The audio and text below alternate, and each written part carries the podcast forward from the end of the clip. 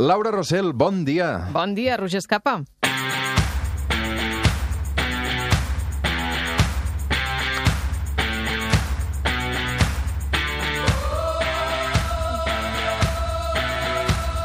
Laura, com anem? Doncs molt bé, Què tal aquest diumenge? això s'acaba, eh? Això s'acaba, perquè no, a veure, deixa'm explicar. El cap de setmana que ve encara hi ha suplement uh, normal. Uh. -huh. um, després vindrà la d'en Martín, que també continuarà fent el suplement aquest estiu. Però el que farem diumenge que ve serà una cosa una mica diferent, ja s'ho trobaran els oients, és una sorpresa. No serà molt normal, eh? No, no serà normal. La Laura Rossell no hi serà, o potser hi seran fragments. Uh, Ai, ai, ai. Aquelles coses que... Però, escolta'm, al setembre tornes al suplement. Home, si tu m'hi vols, jo torno. tu ja ho saps que ens hem passat molt bé aquesta temporada, ens fa molta il·lusió que col·laboris amb nosaltres i eh, al setembre Laura Rossell també al suplement. Al llarg d'aquests dies, d'aquestes setmanes que ens has acompanyat, hem repassat les lletres de l'abecedari i a més a més només hem arribat, avui toca la lletra O. Sí, és que La ens quedem lletra a O. mitges Per i tant, no això s'ha de deixar d'acabar. res a mitges. No, no. Avui, lletra O d'aquest abecedari lila que ens eh, fa la Laura Rossell cada diumenge amb la O de... Onada. Su don es mi maldición, porque no puedo alcanzar el sol.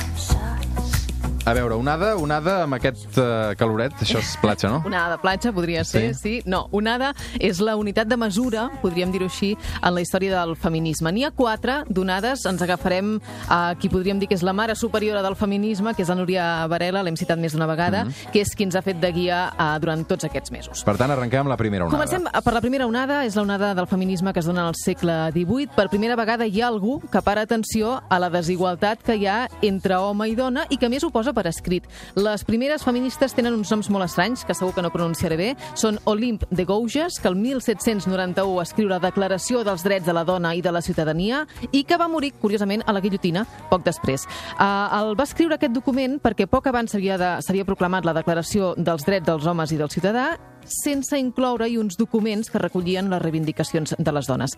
Una altra primera feminista d'aquesta primera onada és la Mary Wollstonecraft, que un any després del 1791, per tant el 92, va escriure la Vindicació dels Drets de la Dona, un text considerat text fundacional del feminisme. Tot això passa al segle XVIII. Anem al segle XIX, segona onada. Són les feministes més reivindicatives que recullen els textos de les primeres feministes i passen a l'acció. El que fan és eh, prendre consciència col·lectiva, aconsegueixen uns primers resultats molt discrets, però importants, tot i així, com l'accés a la universitat o el dret a vot. Són les sufragistes britàniques i americanes de qui hem parlat eh, alguna setmana i alguns noms importants que cal destacar d'aquesta segona onada, Simone de Beauvoir, amb el seu llibre El segundo sexto, i d'altres, eh, Flora Tristan, Alejandra Kollontai o Emma Goldman. Mm -hmm. I arribem al segle XX, per tant, tercera onada. Aquí les feministes ja aconsegueixen la igualtat formal, però no real. De fet, la, la igualtat autèntica encara no la tenim, encara l'estem buscant. En aquesta tercera onada, les feministes amplien el camp d'actuació i eh, es fixen també en les ciències, en la cultura i en tots els àmbits de coneixement. Mm. Obres importants d'aquesta tercera onada, La mística de la feminitat, que es publica el 1963, de la Betty Friedman, també La política sexual, de Kate Millett, La dialèctica del sexo, de Sulamith Firestone, són tot d'obres que marquen un abans i un després en els moviments eh, feministes. També s'aborden per primera vegada conceptes com el patriarcat, com la qüestió de gènere, i sorgeix l'interès pel sexe, que és la gran diferència respecte a les onades anteriors. Fins a aquest moment ningú s'havia preocupat per la sexualitat de les dones. I el lema, podríem dir, d'aquesta tercera onada és allò personal és polític. Mm. Molt bé, i ara el que estem vivint què és exactament? Doncs seria la quarta onada, tot i que hi ha una mica de discussió entre les uh, teòriques del feminisme sobre si és o no és una quarta onada. Jo crec que sí. El feminisme el que està fent ara és impugnar les regles del joc, està posant en dubte el sistema judicial, el sistema polític, el relat cultural, el món laboral, la distribució de recursos. Està- S'està impugnant el model sencer, el model de societat. Uh, és una onada marcada també per les mobilitzacions globals, mm, ja sigui en forma de hashtag, com el MeToo, o en forma de manifestacions com les del 8M, que són uh, internacionals. I dins d'aquesta quarta onada hi podríem situar també la reivindicació de diferents referents femenins, com fem aquí al, al suplement, ho fan també algunes editorials, alguns mitjans de comunicació, eh, dones amb influència, i hi ha aquesta necessitat de treure a la llum les dones de la història. Dones definitivament amb empenta, que han també eh, quedat injustament segurament silenciades, avui amb la O donada, però arribem a allò, a fixar-nos en una dona concreta. Avui, amb, amb quina dona ens fixem, Laura? Doncs mira, avui us porto una metgessa que havia de ser pagesa, així com a presentació. De nena es dedicava a pasturar bous a la muntanya i de gran intubava pacients al costat dels millors cirurgians de Catalunya. And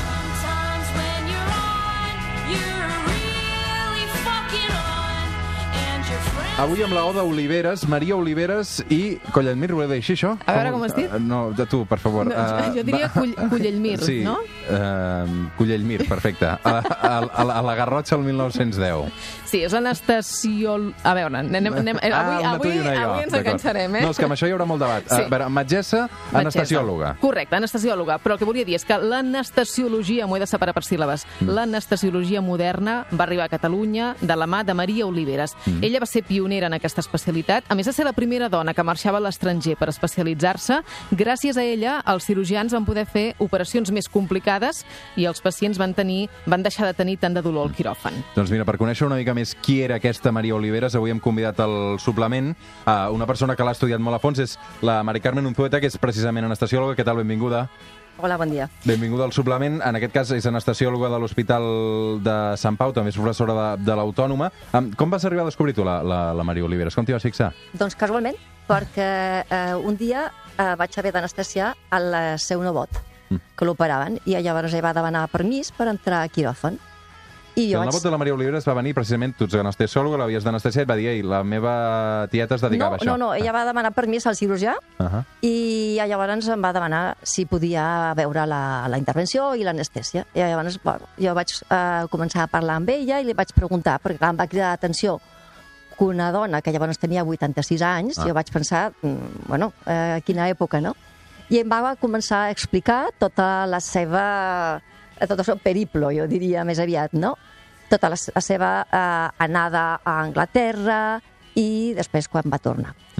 Uh, Laura, fixem-nos una mica en aquesta biografia perquè precisament això que diu, que va estar un temps fora i la va marcar profundament, es va formar a l'estranger, no? Comencem pel final perquè és molt important a com de invisibilitzada ha estat la Maria Oliveres. O sigui, els professionals d'avui Mm. la descobreixen per casualitat, gràcies a la Mari Carmen, que un dia es troba una senyora allà mirant com estan operant, no?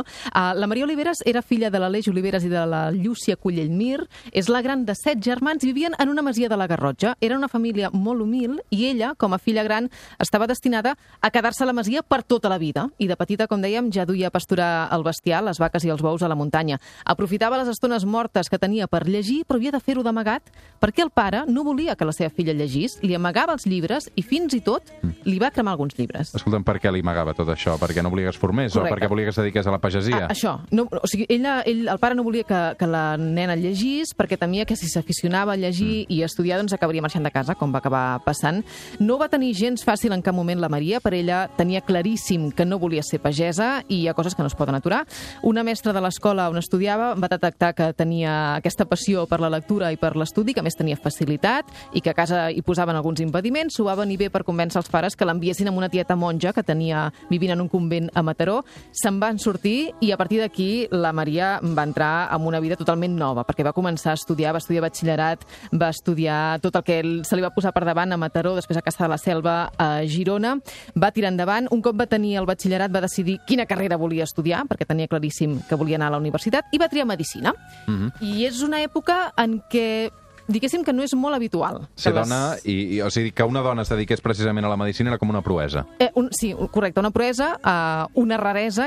Quan ella entra a l'Autònoma de Barcelona, hi ha 400 nois matriculats a Medicina, a la Facultat de Medicina, 14 noies, de les quals només dues, Sort que la ràtio ha canviat, per sort. per sort.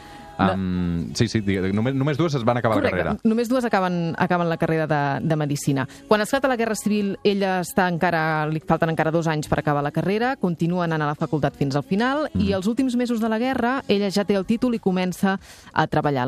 L'envien a un dispensari per soldats, també ajuda a les operacions del clínic. Un cop acaba la guerra, el règim de Franco no li reconeix el títol. Diu que s'ha de tornar a examinar de 14 assignatures. Ell ho torna a fer i el 1941 ja sí té el títol oficial de Medicina. Comença a treballar a l'Institut Neurològic, també s'especialitza en anàlisis de clíniques de sang i es posa pel seu compte, rep visites eh, privades.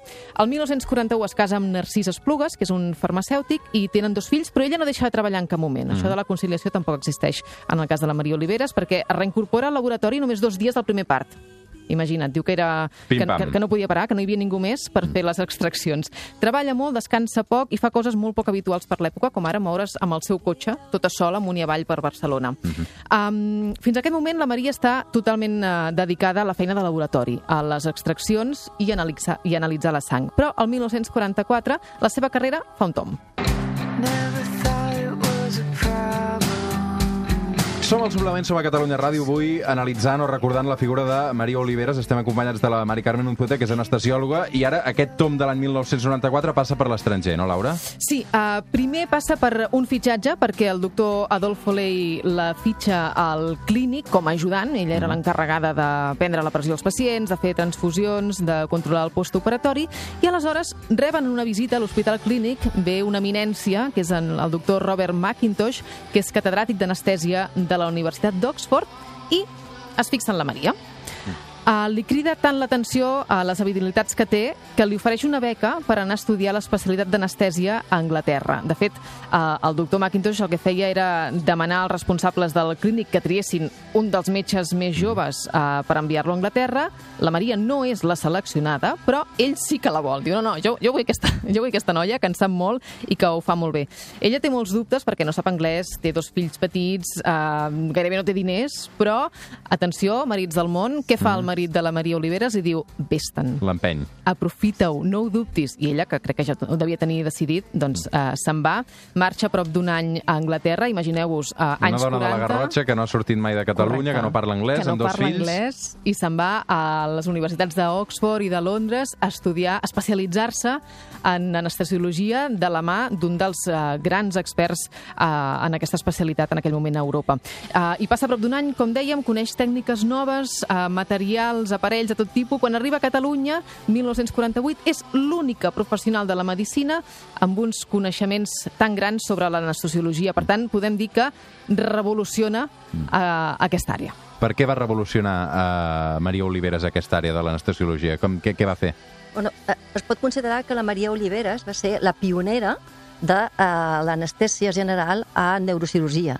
Penseu que en aquella època, abans de que ella marxés a Anglaterra, a la neurocirurgia, o sigui, és a dir, la cirurgia al cervell es feia amb el malalt despert.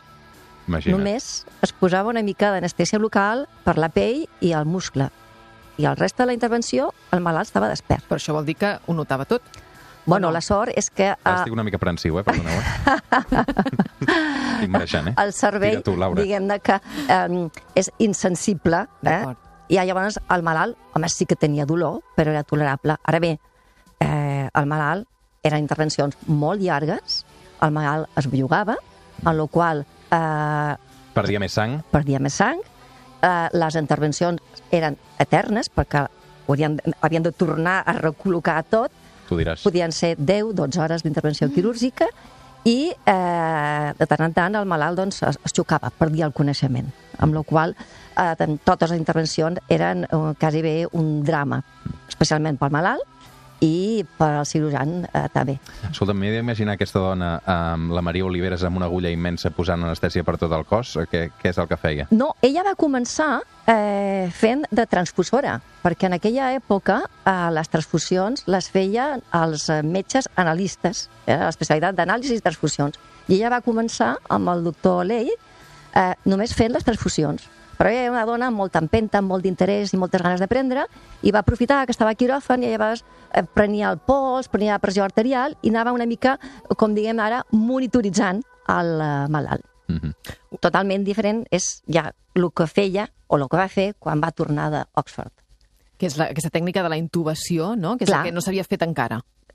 Quasi bé, no. Quasi bé no s'havia Eh. Macintosh va vindre l'any 46 Uh -huh. i el eh, doctor eh, eh, Monton, eh, que, també, eh, que també va anar a Anglaterra, va veure la tècnica, i el doctor Miguel, que era el cap de servei d'anestèsia de l'Hospital Clínic, també va veure la clínica, eh, la, la pràctica de, de Macintosh. Ara, el que ningú havia fet, i ella va ser la primera, és fer l'anestèsia general per cirurgia de, uh, del cervell. No? Clar, imagineu, del que us acabo d'explicar, Mhm. ah, de cop i volta, el malalt totalment adormit, això és una anestèsia general, i, a més, intubat, que vol dir que hi ha un tub que fiquem per la boca i que eh, ens permet eh, aportar oxigen al malalt. Amb la qual el malalt estava quiet, ben eh, oxigenat, es podia controlar la seva respiració i, a més, no tenia dolor.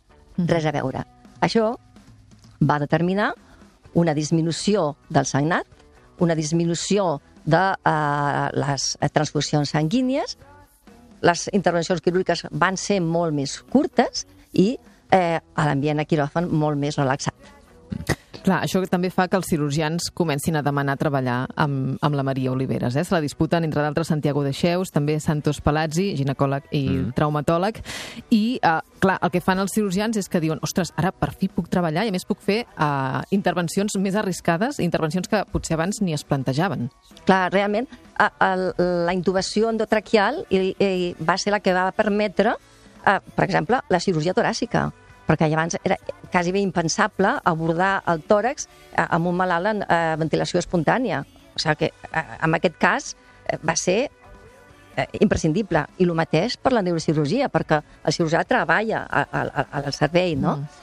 I clar, tothom volia tindre o comptar amb els serveis de la Maria Oliveres, però clar, la Maria Oliveres mai va deixar de treballar com a analista. Mm. I eh, treballava com a analista a casa seva i també a l'hospital.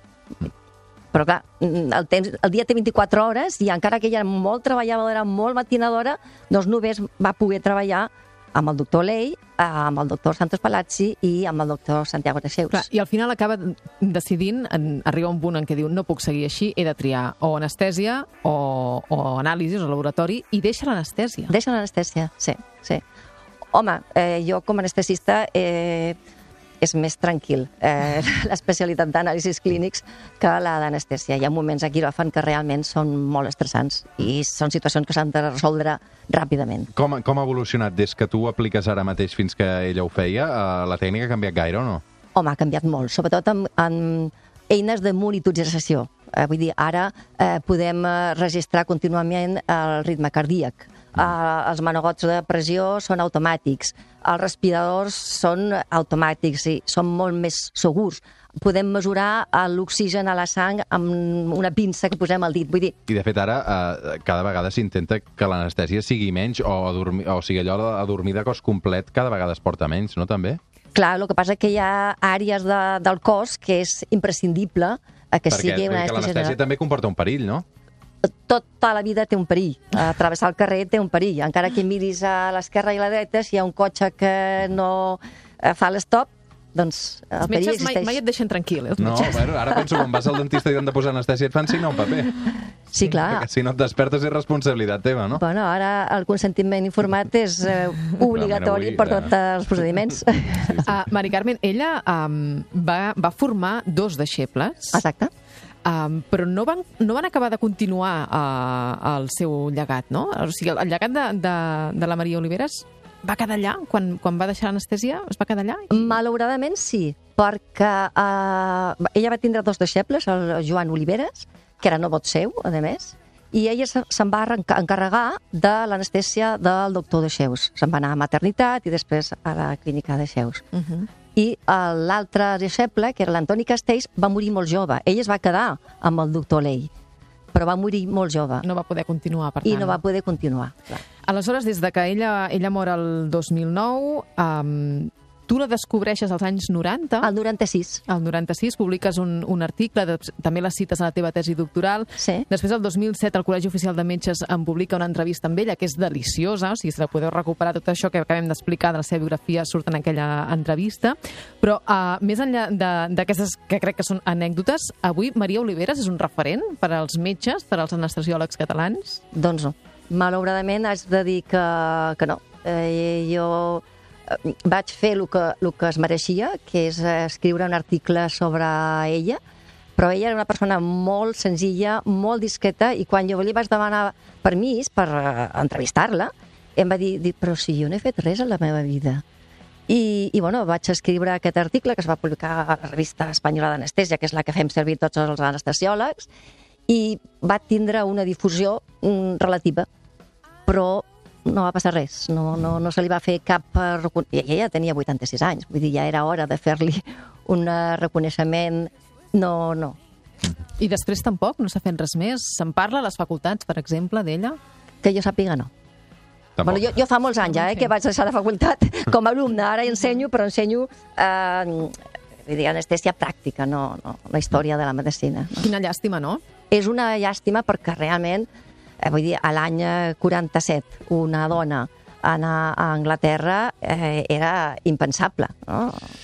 Doncs avui hem volgut recordar la Maria Oliveres i Collellmir eh, de la Garrotxa que va néixer l'any 1910 amb aquesta història que ens ha explicat la Mari Carmen Unzueta. Moltes gràcies per haver-nos acompanyat Gràcies a vosaltres. i també ànims amb l'anestèsia. um, Laura, a veure, amb què quedem? I got a bicycle, I'm cruising Deixem recordar a tots els oients que totes aquestes bandes sonores tan fantàstiques, Laura Rossell al suplement a Spotify, eh, les trobareu totes aquestes cançons, les anem actualitzant amb aquestes eh, músiques que ens proposa la Laura cada diumenge i que també aquest estiu us poden servir doncs, per Home, passar aquest temps lliure. Escolta, tu saps què és la regla? La regla, en principi sí. Sí, no? Ho saps? Sí, home, no hi ha sí. problema. Sí, en principi sí. Sí. Ara no Ah. em facis a veure tampoc una explicació científica, No t'ho però... faré perquè tens una metgessa al costat i encara... Encara la et liaria. Et corregirà tu i a mi ja veuràs segons com ens hi posem. La regla. És una pregunta uh, senzilla, Mm. que aquí encara genera una certa incomoditat. Segurament que sí. No? Més o menys uh, en funció de, de la persona del moment, però hi ha països on aquesta pregunta, què és la regla, què és la menstruació, genera reaccions com aquestes. ¿Quién de vosotros sabe lo que es el periodo? ¿Os suena? ¿Un periodo de clases? ¿Como cuando se toca la campana? No. Chicas, os lo estoy preguntando yo. ¿Por qué no respondéis?